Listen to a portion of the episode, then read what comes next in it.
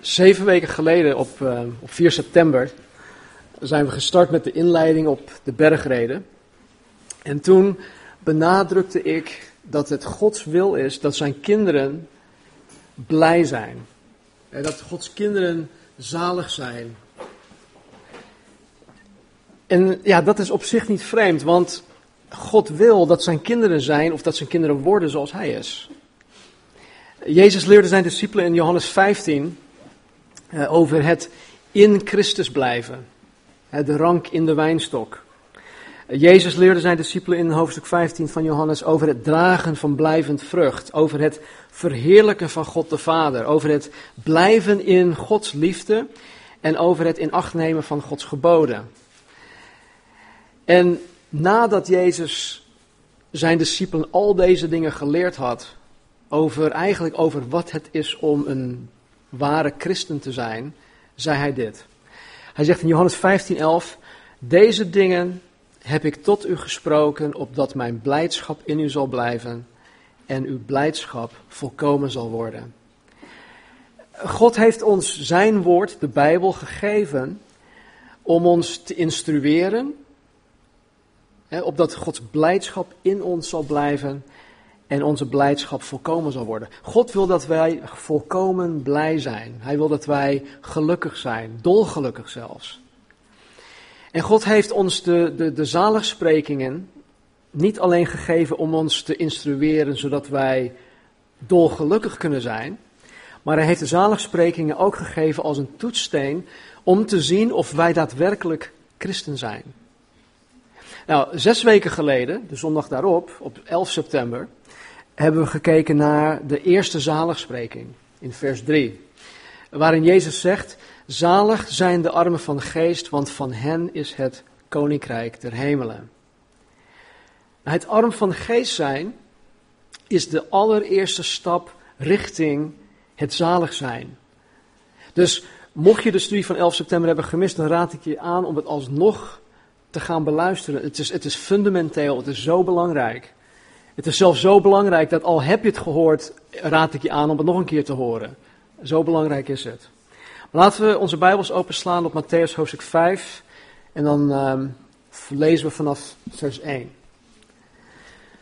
Toen Jezus de menigte zag, ging hij de berg op en nadat hij was gaan zitten, kwamen zijn discipelen bij hem.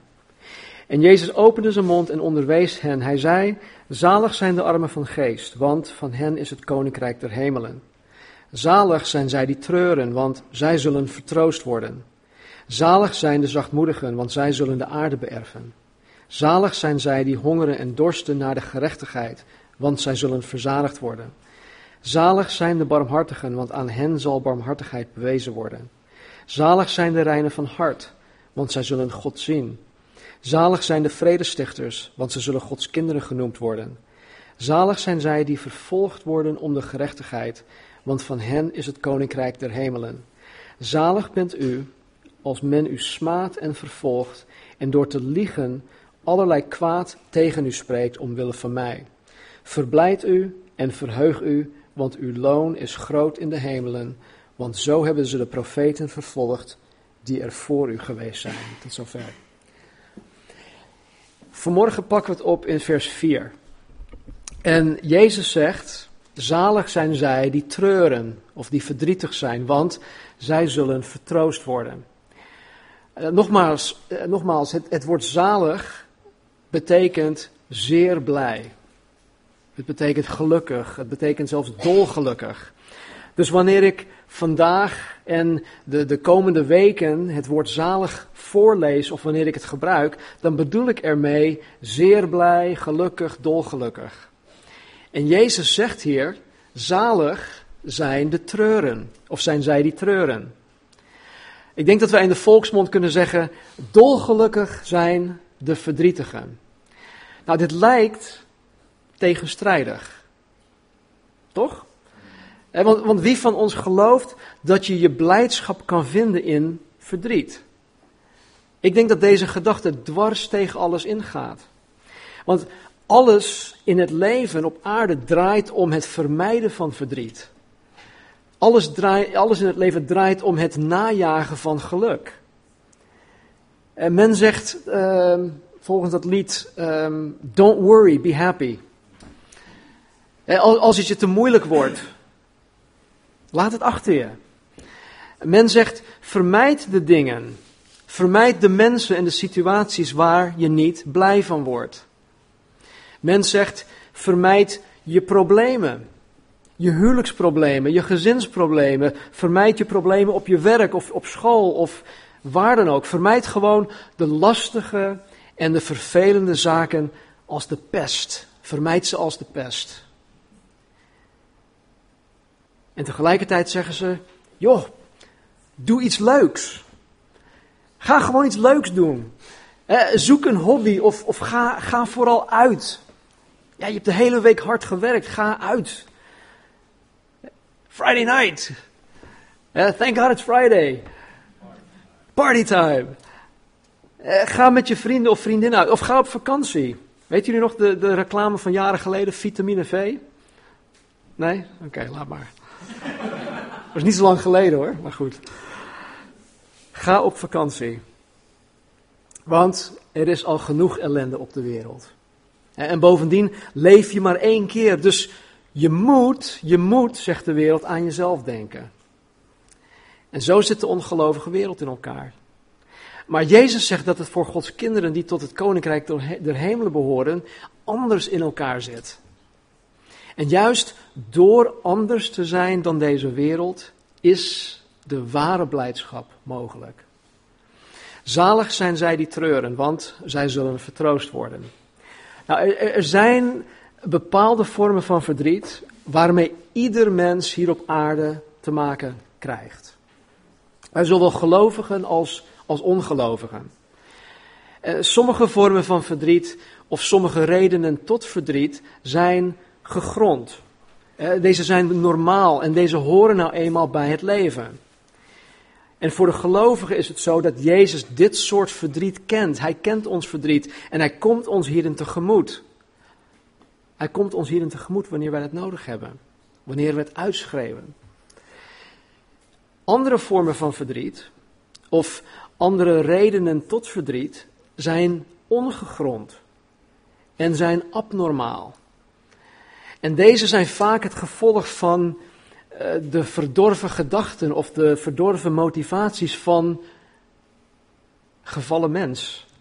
De verdorven mens. Ongepaste rouw is, is, um, is het verdriet van mensen die gefrustreerd raken in het niet kunnen verwezenlijken van hun boze daden. Uh, of het is uh, het verdriet van mensen die gefrustreerd zijn, die misplaatste loyaliteiten hebben of gevoelens koesteren. In, in 2 Samuel 13 uh, is een verhaal over een zekere Absalom, uh, de zoon van David. Uh, er staat dat hij een hele knappe zus had. En die zus die heette Tam, Tamar. En Amnon, een andere zoon van David, halfbroer van, Am, van Tamar, die, die, ja, die vond haar leuk, die vond haar mooi. Dus het staat, hij kreeg haar lief. En dan staat er in vers 2, Amnon leed om zijn zuster Tamar totdat hij er ziek van werd. Want zij was een maagd, zodat het in de ogen van Amnon moeilijk was haar iets aan te doen. Dus hier zien wij deze Amnon, die er ziek van werd, die verdrietig werd omdat hij zijn halfzus niet kon nemen. Omdat hij zijn halfzus niet kon verkrachten. Nou, in dit soort verdriet komt God de mens niet tegemoet. Uh, laat dat duidelijk zijn. Even later in het, in het, in, in het leven van, um, van koning David kwam Absalom, de zoon van koning David, in opstand tegen hem. Deze Absalom had een, een, een rebellenleger gevormd. Hij had koning David uit Jeruzalem verdreven. Hij had zijn paleis uh, in beslag genomen. En hij was erop uit om koning David, zijn eigen vader, te vermoorden. Maar Joab, de bevelhebber van koning Davids leger, die kreeg door Gods hand de gelegenheid om Absalom in de strijd te doden. Hij had het leven van koning David als het ware gered. En toen koning David dit hoorde, dus dat, dat zijn zoon vermoord werd, werd, werd hij woedend. En kijk wat hij doet. In 2 Samuel 18:33 staat dit. Toen hij dit hoorde, sidderde de koning. Hij ging naar het bovenvertrek van de poort en hij huilde. En al gaande zei hij dit: Mijn zoon Absalom, mijn zoon, mijn zoon Absalom. Och, was ik maar in jouw plaats gestorven, Absalom, mijn zoon, mijn zoon, enzovoort, enzovoort. Hij bleef maar jammeren en huilen over zijn zoon Absalom. Nou, ik kan begrijpen dat je van je zoon houdt. Hè, want ja, welk normaal mens zou dat niet doen? Maar Absalom was door en door slecht. Hij zette mensen aan tot opstand tegen zijn vader, tegen de, de koning, de koning van Israël, koning David. En hier zien wij koning David treuren en huilen over deze waardeloze zoon. En als we even verder in het verhaal lezen, zien wij dat Joab, zijn, uh, de, de, de, de bevelhebber van het leger, dan zien we hem, koning David, terechtwijzen, omdat hij onterecht en ongegrond verdriet toonde. En ook in dit soort uh, verdriet komt God de mens niet tegemoet. Maar goed, er is ook een, een gepaste rouw. Er is ook een gegronde reden voor, voor verdriet. En weet je, het mooie ervan is dat wij van God een, een, een, een, ja, een, een uitlaatklep hebben gekregen om te voorkomen dat onze gevoelens ons kapot maken. Wij hebben van God een uitlaatklep gekregen. De, de mogelijkheid om te kunnen rouwen. En om te kunnen huilen om, over ons verdriet. Dat, dat is een gave van God.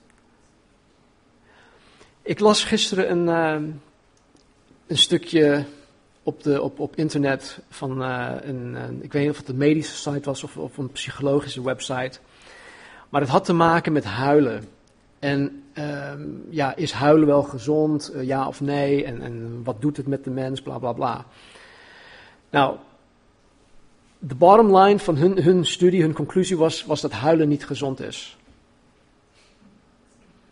Ze hadden daar allerlei redenen voor, maar goed, het waren allemaal wereldse gedachten die God niet in acht namen. En ik dacht van, nou joh, wat, wat, is dit triest. En want ik geloof dat God ons die uitlaat, ja, juist die uitlaatklep heeft gegeven om ons, om ons te kunnen uiten, zodat we dat niet opkroppen en zodat we, dat niet, zodat we ons, onszelf niet van, van binnen kapot maken. Het is een gave van God om te kunnen rouwen, om, om uit te kunnen huilen over ons verdriet. En hij heeft het ons gegeven om, uh, om ons emotioneel te, te kunnen helen van, van de pijn uh, die wij ervaren wanneer we verdrietig zijn. We weten allemaal, denk ik wel, een beetje van, van verdriet. En het is pijnlijk. En huilen, denk ik, is vergelijkbaar aan het, aan het uitspoelen van een wond om infectie tegen te gaan. En want als we, niet rouwen, als we niet rouwen, als we niet uit kunnen huilen, als er geen uitlaatklep is voor onze pijn en gevoelens, als er geen mogelijkheid is om uit te kunnen huilen, dan gaat de mens kapot. Jullie die gisteren de straat op zijn gegaan. Ik, ik, ik heb jullie nog niet allemaal gesproken, maar ik weet zeker dat jullie mensen tegengekomen zijn die op het moment dat je hun, hun benaderde meteen je, uh, of je had iets over Jezus gezegd of over, over geloof, over de kerk, dat ze meteen het gesprek afkapten. Deze mensen zijn verhard, deze mensen zijn verbitterd van binnenin. Ze zijn kapot. En het is omdat ze, dat ze heel veel, waarschijnlijk heel veel verdriet in hun leven hebben meegemaakt.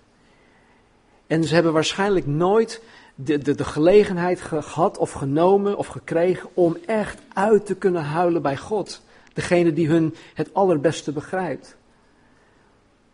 Dus uithuilen is goed. Vooral uithuilen bij God is het goed. Nou, er zijn zat voorbeelden in de Bijbel van mensen die treurden. Mensen die rouwen, die, die verdriet hadden. In Genesis 23, 1 en 2 staat er: Sarah, de vrouw van Abraham, werd 127 jaar en stierf in Hebron in het land Canaan. Abraham rouwde om haar en huilde bij haar lichaam. Ja, het is niet dat hij rouwde omdat, omdat hij geen geloof had. Hij is de man van geloof. hè, Abraham. Hij wordt Gods uh, vriend genoemd. Hij, hij is ons groot voorbeeld in het geloof. Maar het is niet dat hij geen geloof had. Hij was zijn vrouw kwijt. Logisch dat hij rouwde. Logisch dat hij verdriet had. In Psalm 42, 2 tot 4 zegt de psalmist: Zoals een hert naar water snakt, zo verlang ik naar u, God. Mijn hele innerlijk verlangt naar de levende God. Wanneer zou ik voor hem mogen verschijnen? Dag en nacht huil ik. Ik proef alleen maar tranen, omdat men voortdurend aan mij vraagt waar mijn God is. De psalmist was in, in deze fase van zijn leven zo eenzaam, zo hongerig naar God toe. God liet, hem, liet zichzelf blijkbaar niet zien aan de psalmist in deze fase. En hij was eenzaam voor God. Hij hunkerde naar God. En er staat hier dat hij verdrietig was. Dag en nacht huilde hij. Hij voelde zich door God verlaten. In Handelingen 20, vers 31, komt de apostel Paulus de, de voorgangers van de, het gebied Efeze tegen. Hij ontmoet hen daar. En dan zegt hij, nadat hij hun een hoop, hoop instructies had gegeven, zegt hij, daarom, wees waakzaam en bedenk dat ik drie jaar lang, nacht en dag, niet heb opgehouden iedereen onder tranen terecht te wijzen. Paulus was verdrietig en huilde omwille van het geestelijk welzijn van de gemeente in Efeze. Hij huilde omwille het geestelijk welzijn van de gemeente die hij had gesticht. In Marcus 9 lezen wij over een vader die, wiens zoon door een demon bezeten was. En hij smeekte Jezus om hem van deze demon te bevrijden. En dan staat er in vers 24 van Marcus 9 dit. Meteen riep de vader van het kind onder tranen: Ik geloof, heren, maar kom mijn ongeloof te hulp. Die man die was verdrietig. Hij zegt: Ik wil zo graag dat mijn zoon bevrijd wordt. Van kleins af aan was die zoon al bezeten. De demon die in hem zat, die gooide hem in het vuur, die gooide hem in het water om hem om te brengen, zegt de man.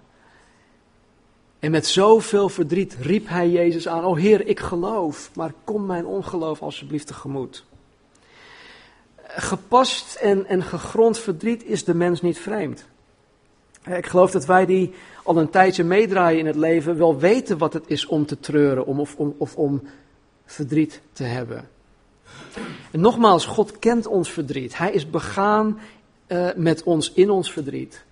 En God komt ons hierin tegemoet door ons te troosten, door ons kracht te geven, door ons te bemoedigen, enzovoort, enzovoort. Maar het verdriet, uh, het treuren waar Jezus over spreekt in Matthäus 5, vers 4, heeft niets te maken met de verschillende vormen van verdriet waar wij het vanmorgen tot nu toe over hebben gehad. Jezus spreekt hier in de zaligspreking over een, een goddelijk verdriet. Een verdriet die alleen degene ervaren die God oprecht willen toebehoren. Zalig zijn zij die treuren, zegt Jezus, want zij zullen vertroost worden. Het natuurlijk gevolg van de eerste zaligspreking, zalig zijn de armen van geest, is dat men zal treuren. Dat is een natuurlijk gevolg. Het besef dat je met lege handen naar God toe komt. Het besef dat je God eigenlijk totaal niets te bieden hebt. En dat je zoals Paulus in Romeinen 7 zegt, ik weet dat ik door en door slecht ben, tenminste, mijn oude, tenminste wat mijn oude natuur betreft. Ik kan het goede niet doen. Ik wil het wel, maar ik kan het niet. Als je dit beseft en als je God met een oprecht hart wilt toebehoren, dan word je daar gewoon verdrietig van. Het kan niet anders. Je, wordt er niet blij van. En, en, en, en Jezus um, wil, uh, wil ons, ons duidelijk maken wat, wat dit, dit treuren betekent, dit, dit, um, dit verdriet. Nou, in de Bijbel worden er negen verschillende woorden gebruikt om treuren en verdriet te omschrijven. En het woord dat Jezus hier gebruikt in Matthäus 5, vers 4 is de allerergste vorm van verdriet.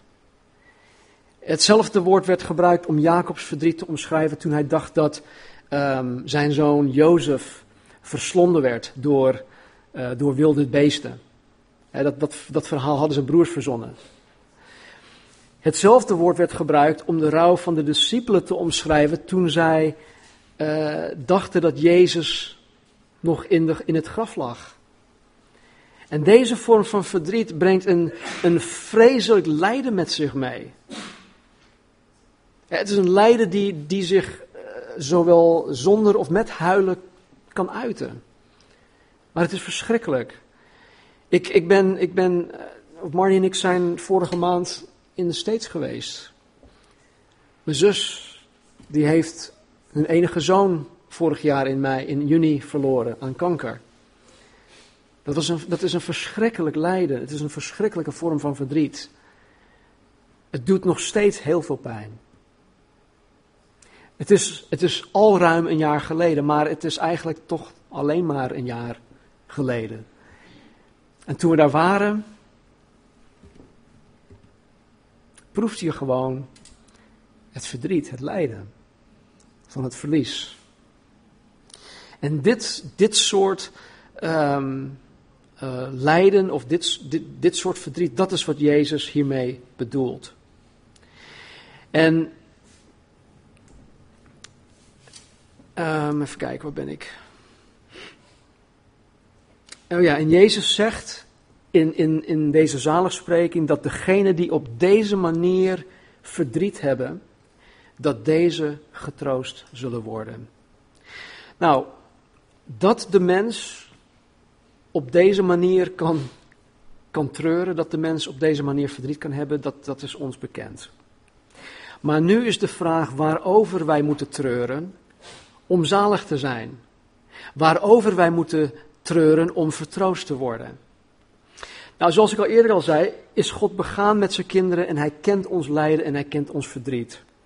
En God zal een ieder die gepast en gegrond treurt tegemoetkomen met zijn troost, met zijn kracht, met zijn bemoediging, met zijn liefde, met zijn genade, met zijn vrede enzovoort enzovoort. Maar hier heeft Jezus het over een specifiek verdriet. Een verdriet over je eigen zonde. Jezus spreekt hier over een verdriet over je eigen zonde. Als je het leven van koning David ooit hebt gelezen, hebt gevolgd, dan, dan weet je dat koning David allerlei vormen van menselijk verdriet in zijn leven had meegemaakt. Het ergste wat er is, heeft koning David meegemaakt. Maar niets gaf koning David meer verdriet dan zijn eigen zonde tegen God. In Psalm 32, 3 en 4 schrijft David dit nadat hij vreselijk gezondigd had. Zolang ik mijn zonde niet beleed, zegt David, kwijnde ik weg. Ik was de hele dag tot tranen toe bewogen. Dag en nacht voelde ik hoe u tot mijn geweten sprak. Ik schrompelde in elkaar als bij grote hitte. Jacobus 4 spreekt tegen de wereldsgezindheid van de gemeente, van de kerk. En hij zegt dit, laten we dat openslaan, laten we het lezen. Jacobus 4, vers 1.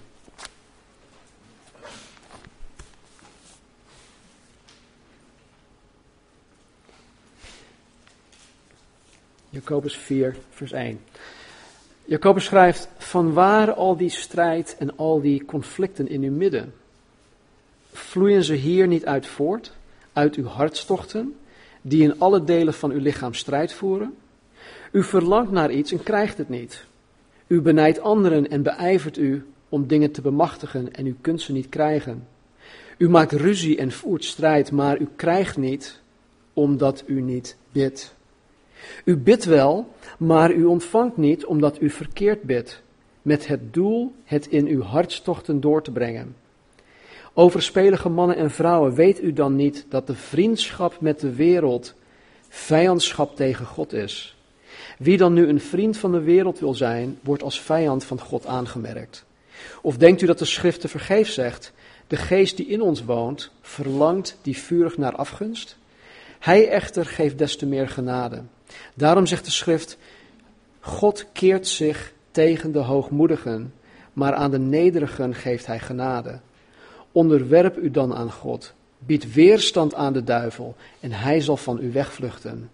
Nader tot God en hij zal tot u naderen. Reinig de handen, zondaars, en zuiver de harten, dubbelhartigen. En dan komt het.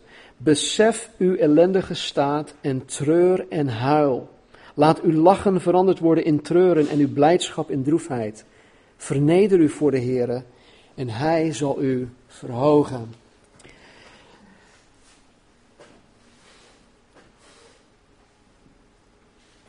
Ik wil geen somber verhaal neerleggen. Ik wil ook niet zeggen dat wij neergebogen in verdriet, met een zware last van onze zonde enzovoort enzovoort door het leven heen gaan. Maar ik wil nog één ding, um, nog één ding voorlezen, wat Paulus ook zo mooi verwoordt. In Romeinen 7, vers 18 spreekt hij, of in Romeinen 7 spreekt hij over zijn eigen um, ja, tekortkomingen, over zijn eigen zonde. Het goede dat hij wil doen, dat doet hij juist niet. Al het slechte dat hij wil, niet wil doen, ja, dat, dat doet hij juist wel. En dan, en dan zegt hij, hij zegt in vers 18, ik weet dat ik door en door slecht ben. Tenminste, wat mijn oude natuur betreft. Ik kan het goede niet doen. Ik wil het wel, maar ik kan het niet. Hoe wil ik hoewel ik het goede wil, doe ik het niet. In plaats daarvan doe ik het slechte en dat wil ik nu juist niet. En dan zegt hij, ellendig mens dat ik ben. Wie zal mij verlossen uit het lichaam van deze dood? Wij zijn christen, wij, wij zijn vervuld met de geest. Maar wij leven nog steeds in dit ellendig lichaam dat zijn eigen hartstochten heeft, dat zijn eigen lust heeft en begeerten en zwakheden. En Paulus, nadat hij 25 jaar met de Heer heeft gewandeld, zegt dit. Hij schrijft dit. Ellendig mens dat ik ben. Koning David had intens verdriet over zijn eigen zonde. Jacobus vermaant de zondagschristenen en hij zegt: Besef uw ellendige staat en treur en huil. En Paulus zag zichzelf als een ellendig mens wegens zijn eigen zonde. Nou, dit soort verdriet, verdriet over je eigen zonde, dat, dat brengt iets goeds voort. Het is goed voor iets. 2 Korinthe 7, vers 10 zegt: Want de droefheid, het verdriet, treuren, die overeenkomstig de wil van God is. Oeh, wisten jullie dat?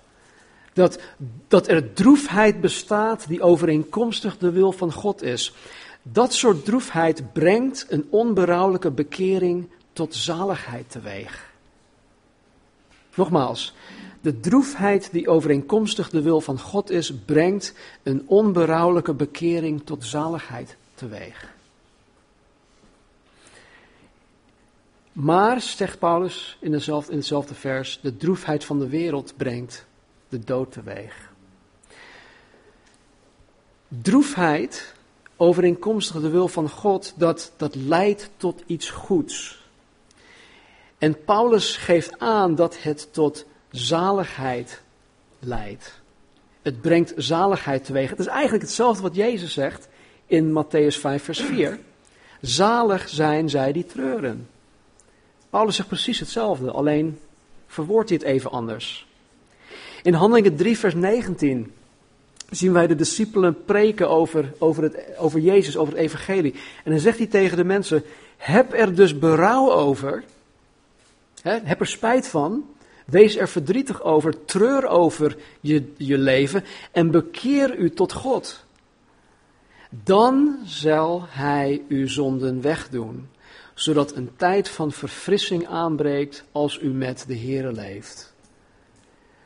Dus droefheid, berouw, treuren over je eigen zonde, dat leidt tot bekering tot God.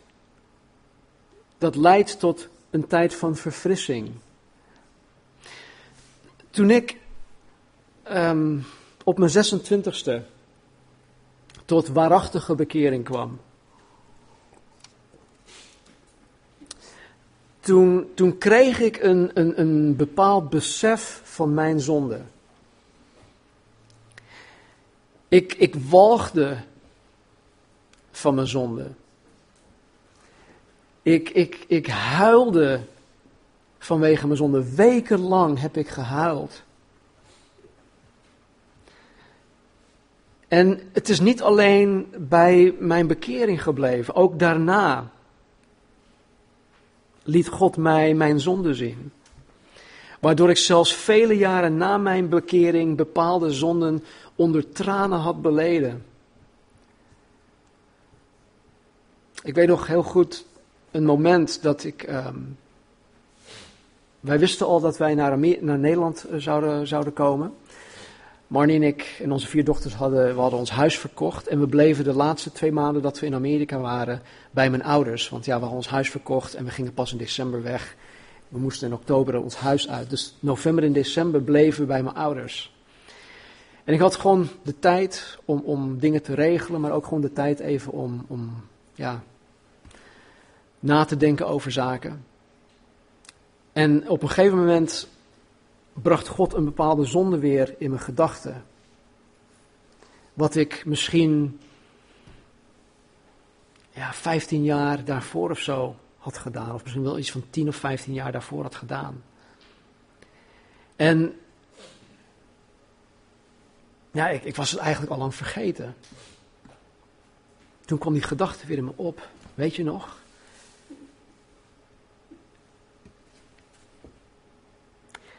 En ik, um, ik, ik had die zonde beleden en ik, ik huilde en ik, had mijn moeder ook erbij geroepen. En uh, ja, ik had gewoon mijn moeder verteld van, ma, weet u nog dat dit en dat? Toen zei ze, ja. Ik zei, nou, ik had dat gedaan.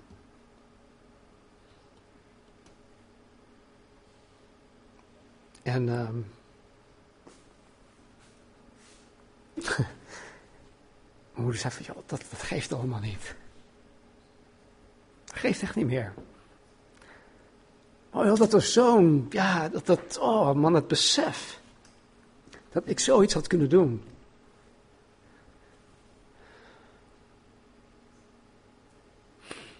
En ook nu, nog steeds, wanneer ik besef dat ik nog zo tekortschiet in het navolgen van Jezus. Dat in het naleven van zijn geboden, in het, in het liefhebben van Marnie, in het liefhebben van mensen. Weet je, dan heb ik gewoon berouw, dan, dan, dan treur ik, dan heb ik verdriet. En want ik weet dat ik bij God gewoon met lege handen kom. Ik weet dat ik Gods niet te bieden heb. En ik weet, zoals Paulus dat ook wist, ik, ik ben gewoon een ellendig mens.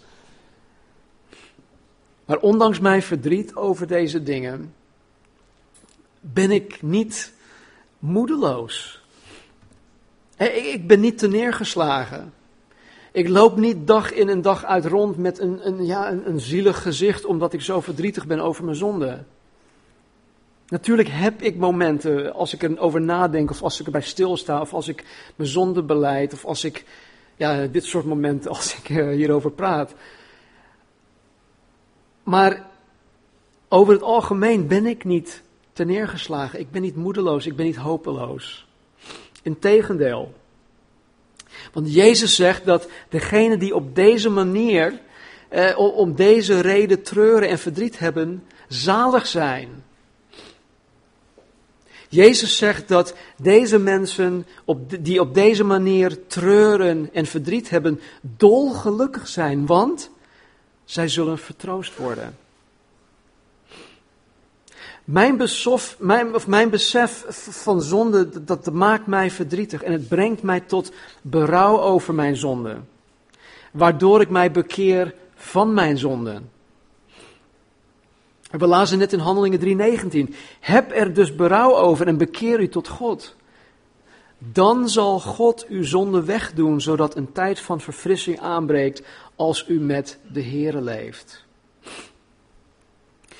Doordat ik mij door mijn verdriet over mijn zonde bekeer, zal God mijn zonde geheel uitwissen en vergeven. En er zal een tijd van verfrissing aanbreken als ik met de Heer leef. Dit is voor mij een gigantische troost. En want ik, ik hoef niet langer met mijn schuld en met mijn schuldgevoelens te leven. Ik heb de zekerheid dat God mij geheel vergeven heeft. En dat niemand mij erover kan aanklagen, dat ik geheel vrijgesproken ben. Al heb ik het besef dat ik misschien morgen of overmorgen of, of, volgende week of volgende maand of volgend jaar misschien precies hetzelfde zal gaan doen.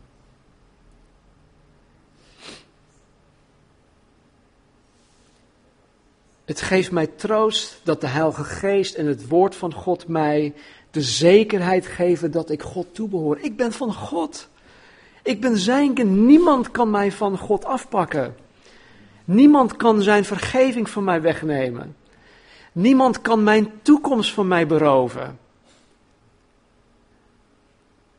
Dat brengt mij troost. Ik ben van God.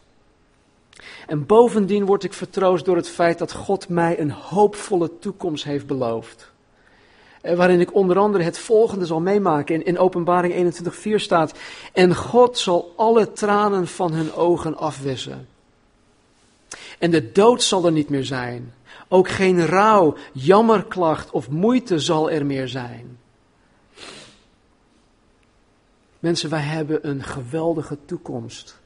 God heeft zoveel moois voor ons in petto. Niet alleen in het komend koninkrijk, maar we hebben nu al in dit leven een heel mooi perspectief, toekomstperspectief. Zalig zijn zij die treuren. God belooft ons dat wij geluk kunnen hebben in dit leven, dat wij dolgelukkig kunnen zijn. Psalm 34, 18 zegt: De Heer is heel dichtbij mensen met groot verdriet. Hij helpt hen die neergeslagen zijn. Weet je, dit is een belofte. Dit is een garantie die de trouwe God van de Bijbel geeft aan de zaligen die treuren wegens hun zonde. Nou, tot slot wil ik nog even iets zeggen over hoe wij tot het punt kunnen komen van verdrietig worden over onze zonde.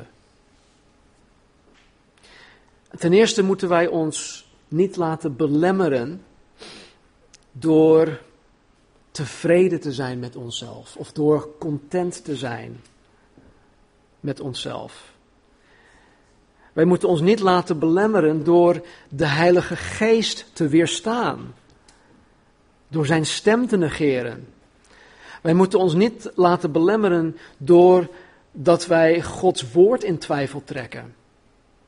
Ja, maar. of door onze harten te verharden. Ook is het niet willen loslaten van zonde een grote belemmering om tot verdriet over zonde te kunnen komen. Er zijn gewoon bepaalde zonden die mensen willen vasthouden. Ook ik hou me soms nog vast aan dingen waarvan ik weet, hé hey joh, je moet het loslaten, je moet je daarvan bekeren. Het is mens eigen om bepaalde zonden te koesteren. Maar dat belemmert je om te komen tot het verdriet over de zonde. Ook wanhoop belemmert verdriet over zonde. Waarom? Om, omdat je wanhopig bent. Eh, je hebt de hoop op God opgegeven. Je gelooft niet dat God je kan helpen en redden uit welke situatie dan ook. Je gelooft ook niet dat God je kan helpen om niet meer te zondigen. En men gebruikt wanhoop vaak als een soort van excuus om gewoon door te kunnen gaan met zondigen. want ze zeggen, ja, nou, nou, nou, zo ben ik nou eenmaal. Of, um, ja, ik heb het al zo vaak geprobeerd en ja, ik, ik kan er gewoon niks aan doen. Hoogmoed. Uh, en een gevoel van je eigen rechtvaardigheid belemmert verdriet over je zonde. Want ja, zo slecht ben ik ook weer niet. Ook het uitstellen eh, van het nemen van die stap belemmert het verdriet over zonde. Mensen zeggen vaak genoeg dat ze er op dit moment nog niet klaar voor zijn. maar, maar dat ze ergens in de toekomst wel die stap gaan zetten. Nou, ten tweede kunnen wij tot het punt komen van verdrietig worden over onze zonde door Gods woord ons eigen te maken. Hoe meer wij Gods woord consequent, bewust en biddend lezen en bestuderen, hoe meer wij God gaan leren kennen en hoe meer wij zullen inzien dat wij arm van geest en zondig zijn. En als laatste is, denk ik, om. Probeer het maar een keer, of maak er een gewoonte van. Aan het eind van elke dag doe een soort van zelfonderzoek. Uh, Self-examination. En vraag jezelf af wat je op die dag gedaan hebt, dat niet volgens Gods wil en Gods woord was. Vraag jezelf af van, joh, ben ik vandaag wel lief geweest voor mijn vrouw? Ben ik vandaag wel lief geweest voor mijn medemens? Hoe heb ik gereageerd op mijn collega of mijn baas of mijn medewerkers? Of hoe heb ik gereageerd in die situatie? Eh, wees gewoon eerlijk met jezelf. Vraag gewoon, of stel jezelf gewoon een aantal vragen om, om te zien, uh, evalueer jezelf aan het eind van de dag. En ik garandeer je dat je jezelf-evaluatie zal leiden tot berouw. Want geen van ons zijn dusdanig goed dat wij kunnen zeggen van, nou, tjaka, ik heb het vandaag goed gedaan. Nee, we zullen allemaal tot de conclusie komen dat we God keihard nodig hebben. Dus bid oprecht tot God om, om je een gebroken hart te geven over je eigen zonde. Vraag het aan God. God, geef mij een gebroken hart over mijn eigen zonde. Als je dat oprecht bidt, dan zal God het ook doen. En misschien ben je, weet je niet zeker of, of, of ben je niet zeker of God überhaupt gebeden verhoort. Maar ik wil je vanmorgen met 100% zekerheid garanderen dat God dit gebed zal verhoren. God, geef mij een gebroken hart over mijn eigen zonde. God zal dat gebed verhoren. En zalig, blij, gelukkig, dolgelukkig zijn zij die treuren over hun eigen zonde, want zij zullen vertroost worden. Laten we bidden. Heer, ik dank u voor uw, uw woord. Dank u, Jezus, dat u zo zorgvuldig de bergreden hebt gegeven. En dat u ervoor gezorgd hebt, Heer, dat Matthäus het, het, vastgelegd heeft. Voor ons, Heer, dat wij hieruit mogen leren.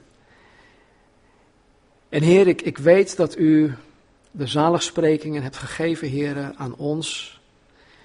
Om ons te instrueren, om ons uit te dagen. Maar Heer, ook om ons te laten zien of wij daadwerkelijk christen zijn of niet. Heer, alle zaligsprekingen zijn bedoeld om ons te laten zien of wij christen zijn of niet. Heer, het, het is geen. Uh, uh, het is niet zoals de, de gave van de Heilige Geest, dat de een dit heeft, de ander dat. Al deze karaktereigenschappen behoren tot elke christen. En in ieder van ons vanmorgen, heren, in de zaal, die zichzelf een christen noemt, hoort tot een zekere mate deze eigenschappen te hebben. Heere, help ons hierbij. Geef ons, Heere, een gebroken hart over ons eigen zonde, want Heere, uw hart breekt over onze zonde. En heren, wanneer wij tot het besef komen dat wij arm van geest zijn, dat wij u niets te bieden hebben, dat wij met lege handen komen. Heren, dat wij zondig zijn, dat ondanks dat wij het goed willen doen, dat wij het niet kunnen doen. Het slechte dat wij niet willen doen, maar juist doen. Heren, met dat besef, heren, komen wij vanmorgen tot u, heren. En, en, en help ons, heren, om hierover te treuren. Help ons om het niet um, ja, als, als te licht te beschouwen, vader. Maar dat het echt een serieuze zaak is. En Heer, help ons om de zaligheid, de blijdschap, de vreugde, het geluk, Heer, te ervaren wanneer we dit doen. Wanneer we dit zijn. Heren, de zaligsprekingen zijn niet zozeer, of is niet zozeer een, een, een stappenplan of een actieplan, heren. Het is meer een, een, een profiel van de christen. En zo horen wij te zijn. Maak ons, heren, wat hier staat. En help ons, heren, in al onze tekortkomingen, in al onze, in onze zwakheden. Geef ons, heren, de kracht om te zijn wat u wil.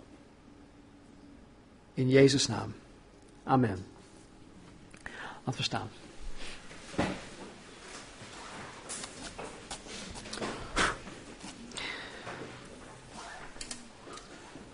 Ik denk dat wij nog een zondag of acht hebben voor de kerst. Um, als het goed is, weten jullie dat wij op zondag 25 december, eerste kerstdag, geen dienst zullen hebben. Maar kerstnacht, de zaterdag daarvoor wel. Uh, het is bij uitstek de gelegenheid om ongelovige mensen uit te nodigen. Derhalve willen wij in december ook uh, ja, weer gaan evangeliseren, maar dan met het oog op kerst. En uh, dus goed, in, in de, de komende zondagen, ik weet niet of het er zes, zeven of acht zullen zijn, uh, die zondagen wil ik besteden aan de zaligsprekingen. Dus we nemen even een, een, een soort van pauze van de vaart waarin we, waarin we zitten de stroomversnelling. Nee hoor, we gaan er gewoon rustig doorheen. En uh, ik, maar ja, mijn wens, mijn gebed voor ieder van jullie is dat jullie deze week de Here ernstig gaan zoeken. Je eigen hart ook gaan onderzoeken. En dat God ons blijdschap en vreugde zal geven die, die wij nooit hadden er eerder hadden ervaren, die wij niet kennen. Want dat, dat belooft God. Zalig zijn zij die treuren. Dus wees daarin bemoedigd. Treur over je eigen zonde, want daarin zal je blijdschap, geluk en zaligheid vinden. Dus God zegen jullie deze week op school, op werk, thuis, waar je ook bent of komt. En laat je licht dusdanig schijnen, zodat ieder zal zien dat je je goede werken in God hebt laten gebeuren zodat deze God zal verheerlijken. Omwille van zijn naam. In Jezus' naam. Amen.